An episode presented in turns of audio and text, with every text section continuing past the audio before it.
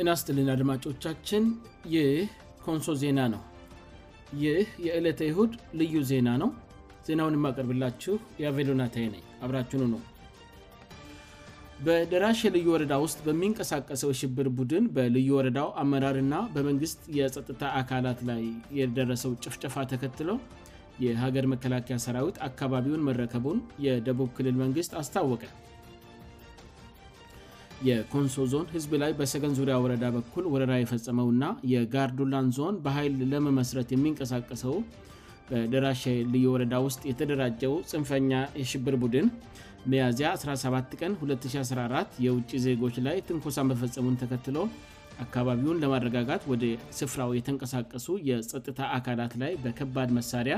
የታገሰ ጥቃት በመፈጸም ቁጥራቸው ከ90 የማያንስ የፌዴራል ፖሊስና የደቡብ ልዩ ኃይል ሰራዊትን ከና አመራሮቻቸው መደምሰሱን በተለያዩ ጊዜያት ወደ እናንተ ማድረሳችን ይታወሳል የደቡብ ክልል መንግሥትም በጉዳዩ ላይ ዝምታ መርጧል የሚል ትችቶቼ ሲቀርቡበት ነበር ጽንፈኛው ሽብርተኛው ቡድን በኮንሶ ዞን ሰገን ዙሪያ ወረዳ ላይ በፈጸመው ወረራ ከ3 ቀበልያት ከ300 በላይ አርሶአደሮችን ማፈናቀሉን አንዱን ቀበሌ በቃጠሎ ማውደሙንና ሁለቱን ቀበላያት በቁጥጥሩ ስር ማድረጉን ከዚህ በፊት በተደጋጋሚ መዘገባችን አይዘነጋም ይሁንና የደቡብ ክልል መንግሥት ምክትል አስተዳዳሪና የሰላምና ፀጥታ ቢሮ ኃላፊ የሆኑት አቶ አለማየው ባውዲ ና የክልሉ የፖሊስ ኮሚሽን ኮሚሽነር አለማዮ ማሞ ትላንት ማምሻውን ለደቡብ ቴሌቭዥን በጋራ በሰጡት መግለጫ ጽንፈኛው የሽብር ቡድን አድማሱን እያሰፋ መምጣቱንና አካባቢውን ሙሉ በሙሉ ወደ ግጭት ቀጠና እየለወጠ ከመምጣቱ ጋር ተያይዞ ክልሉ ጉዳዩን ለፌደራል መንግስት በዝርዝር አስረድቶ ሽብርተኛው ፅንፈኛ ቡድን የመሸገበት የደራሼ ልዩ ወረዳ አስተዳደርን የሀገር መከላከያ እንድረከበው መደረጉን አስታውቀዋል በመግለጫው የደራሼ ልዩ ወረዳ ዋና አስተዳዳሪና ሌሎች የልዩ ወረዳው አመራሮች ንጹሐን ዜጎችእና ቁጥራቸው ያልተገለጸ የደቡብ ክልል ልዩ ኃይልና አካባቢው ላይ የጸጥታ ስራን ሲያግዙ የነበሩ የፌዴራል ፖሊስ ሰራዊት አባላት ከና አመራሮቻቸው በፅንፈኛው ሽብርተኛ ቡድን በአሰቃቂእና አርሜናዊ መንገድ መገደላቸውን ገልጸዋል በተጨማሪም በግድወለ ከተማ ላይ ሳይቀር ብዙ ቤቶችና ከፍተኛ ንብረት በፅንፈኛው ሽብርተኛ ቡድን በቃጥሎ መውደማቸው ተገልጿል በተለይ አቶ አለማዮው ባውዲ ሲናገሩ ጽንፈኛው ሽብርተኛ ቡድን ከአብራኩ የወጡትን የደራሽ ልዩ ወረዳ አመራር ሳይቀርና የሀገር ደህንነትና ክብር ለመጠበቅ ሲሉ በዱርና በየጫካው የሚንከራተቱ የመንግሥት ወታደሮችን በመጨፍጨፍ በደቡብ ክልል ውስጥ ከዚህ በፊት ተደርጎ የማይታወቅ ግፍ መፈጸማቸውን በአጽኖት ተናግረዋል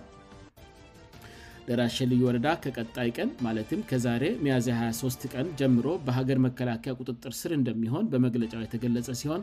መከላከያው አካባቢውን ከማስተዳደር ጎንለጎን ከደቡብ ክልል መንግስት ጋር በቅንጅት በመሆን ጥፋተኛውን ፅንፈኛ የሽብር ቡድን በዝርዝር የመለየትና በህግ ቁጥጥር ስር በማድረግ የህግ የበላይነትን የማስከበር ስራ ይሰራል ተብሏል በአጠቃላይ በፅንፈኛው የሽብር ቡድን የደረሱ ጉዳቶችም ተዘርዝረው ምጣንያቸው ለወደፊት በ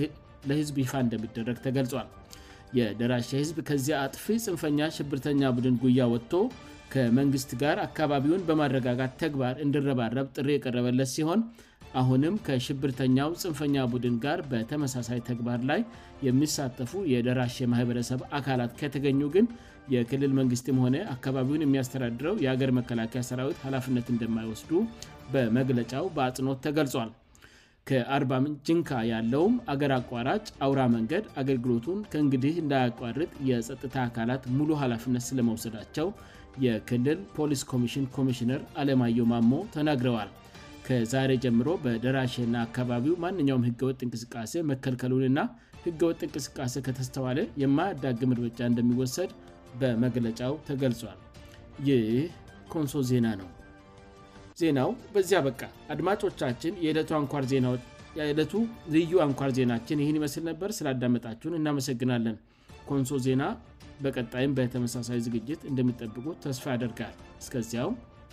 በደና ቆዩም